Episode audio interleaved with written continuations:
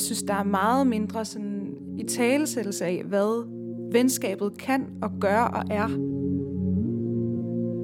Altså usikkerheden er jo nok bare sådan en grundangst et eller andet sted for ikke at passe ind i flokken. Folk kan ikke huske, hvad du har sagt og hvad du har gjort, men de kan huske, hvordan du fik dem til at føle sig. Venskaber og nære relationer er fuldstændig afgørende for menneskers sundhed. Det værste er at lege gemmeleje uden at blive fundet. Du lytter lige nu til podcasten Mennesker, der elsker, der er produceret af Papercut Issues. Det her afsnit handler, ligesom det forrige, om vennerelationer. Vi vil undersøge, hvad venskaber betyder for vores liv, og hvordan de med tiden kan ændre sig og skifte form.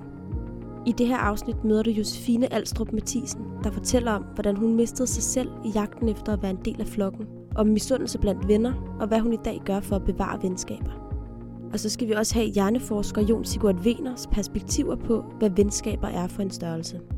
Mit navn det er Amanda Bøtger, og jeg er her til at følge dig igennem det hele. Du lytter til anden del af En som mig. Nu skal det handle om venner.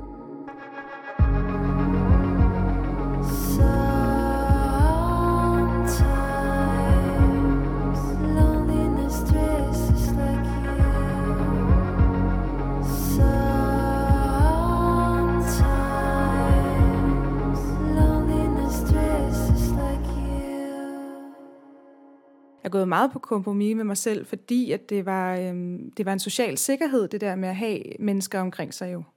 Det her er Josefine Alstrup Mathisen. Josefine er 27 år og arbejder som musiker, sangskriver og musiklærer. Og jeg tror ikke, det behøver at være en, en dårlig ting nødvendigvis, men det kan bare være rigtig usundt. Jeg tror, at, det, at det har påvirket mig på den måde, at, øhm, at jeg følte, at jeg var noget, hvis jeg var noget for andre. Altså, jeg ikke var noget bare i mig selv. Så det at kunne gøre noget for mine venner, for eksempel at gøre mig nødvendig på en eller anden måde, har været noget, jeg har gjort rigtig, rigtig meget. Hjerneforsker Jon Sigurd Vener kan være med til at forklare, hvorfor vi for eksempel prøver at gøre os nødvendige i en vennegruppe. For hvad er det egentlig, vi gerne vil opnå?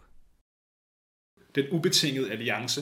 Og derfor dem af os, vi har en tilbøjelighed til at så søge den her ubetingede kærlighed eller ubetingede alliance hos andre, uden for familien. Og der vil man jo så gang på gang komme i konflikter med de venskaber, man indgår i, fordi at det vil jo afsløre sig, at man øh, måske forventer for meget af de der relationer. Ikke? Og hvis de andre er nogenlunde sunde og raske, så vil de jo sådan set ikke finde sig i det.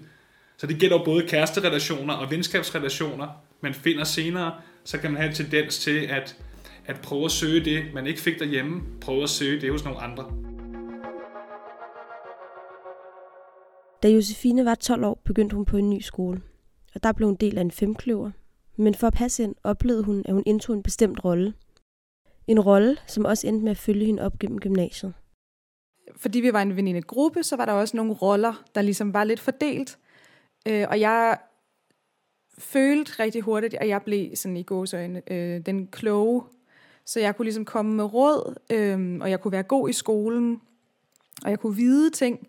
Øh, men hvis jeg kom med jokes, så fik jeg nogle gange sådan en reaktion, nej, det var jo ikke sjovt. Så sådan, jeg følte mig lidt låst i, at okay, men jeg, jeg må så komme med citater fra Sofies verden, jeg har læst for nyligt, men jeg kan ligesom ikke øh, byde ind med alle de andre ting, øh, jeg også er. Så skete der også det sådan øh, pubertetsagtige, at der var nogen fra den der venindegruppe, der blev inviteret til alle festerne, øh, men det var ikke mig. Så der var ligesom ikke så meget sådan social kapital i at være den kloge, når man kom ud øh, generelt i verden. Og det frustrerede mig også helt vildt. Så da jeg så startede i gymnasiet, øh, der var jeg bare rigtig opsat på ikke at skulle være hende der, den kloge. Eller ikke kun i hvert fald. Øh, fordi jeg havde så travlt i gymnasiet med alle de ting, jeg synes, jeg skulle være, så var jeg faktisk helt vildt overrasket over, at, at jeg stadig havde venner fra gymnasiet, da vi stoppede. Det var især en veninde, som jeg stadig er tæt med i dag, som det overraskede mig, øh, egentlig havde fået øje på mig på en eller anden måde, fordi jeg synes ligesom, jeg havde altså, danset rundt med alle de der forskellige masker. Men altså, det værste er at lege gemmeleje uden at blive fundet. Og det var ligesom den oplevelse, jeg havde af at stoppe gymnasiet, og så stadig have nogle venner derfra. Altså, der var nogen, der alligevel havde gennemskuddet mig ligesom. Den ubetingede alliance findes altså ikke uden for familien ifølge Jon.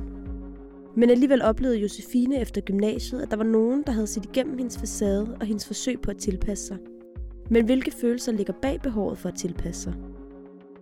Altså usikkerheden er jo nok bare sådan en grundangst et eller andet sted for ikke at passe ind i flokken, ikke? Og jeg tror måske, det der er så, så snedigt ved den grundangst, er også, at man tror, man er den eneste i verden, der har det sådan. Altså, at alle de andre ligesom har regnet den ud. Den følelse kan jeg stadig godt have en gang imellem. Jeg synes, jeg er bedre til at placere den nu. Det er utroligt øh, beroligende øh, for os at, øh, at være i en, i en stabil flok, hvor vi har en følelse af, at, øh, med, at med meget stor sikkerhed, at der ikke er nogen i nærheden, der vil gøre en ondt.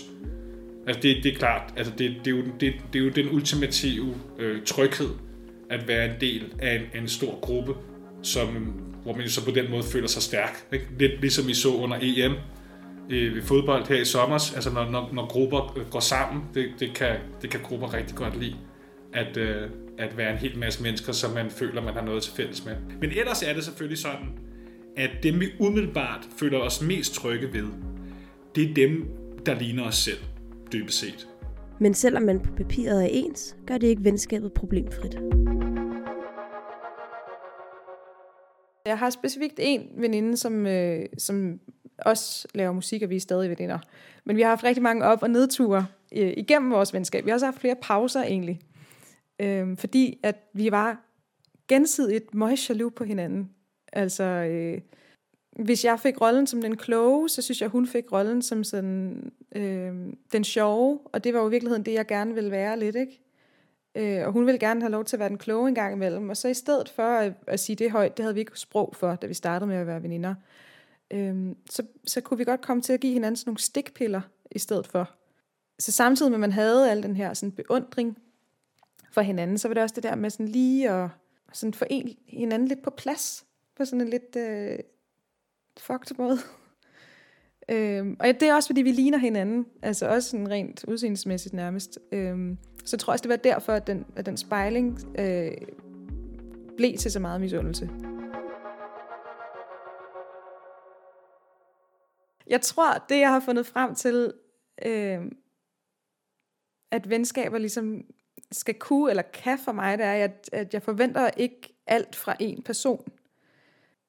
Jeg har, jeg har veninder, jeg ved, jeg skal lave aftaler med to uger i forvejen.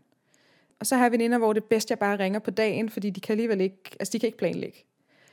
Øh, og min store frustration med dem, der ikke kan planlægge, har jo været at forsøge at planlægge.